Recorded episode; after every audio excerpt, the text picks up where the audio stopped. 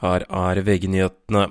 Kroppen til Aleksej Navalnyj er overlevert til hans mor, det opplyser Navalnyj sin talsperson Kira Jormish. Hun takker samtidig alle de som stilte seg bak kravet om å få liket overlevert. Dødsårsaken er fortsatt ikke kjent, men både Navalnyjs familie og vestlige ledere legger skylden på Russlands president Vladimir Putin. Røde Kors bistår to utenlandske skigåere som er værfast på en hytte ved Stora Vålåvatn i Voss. Røde Kors har kontakt med de to, som begge er fysisk uskadd. En person ble i ettermiddag fraktet til sykehus etter en trafikkulykke i Hareid.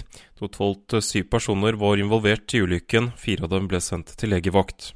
All drift ved smelteverket i Sauda er stanset på ubestemt tid etter brannen i natt, det skriver Stavanger Aftenblad. Årsaken til brannen var en liten eksplosjon i en av ovnene på smelteverket. Olje fra lasteskipet Rubimar har spredt seg over et nesten tre mil langt område i Rødehavet. Utslippet skyldes at lasteskipet ble truffet i et Houthi-angrep for en uke siden. Det amerikanske militæret mener også er fare for at deler av lasten kan havne i vannet, og kaller situasjonen en miljøkatastrofe. I studio André Ødeby, nyhetene forholdt til på VG.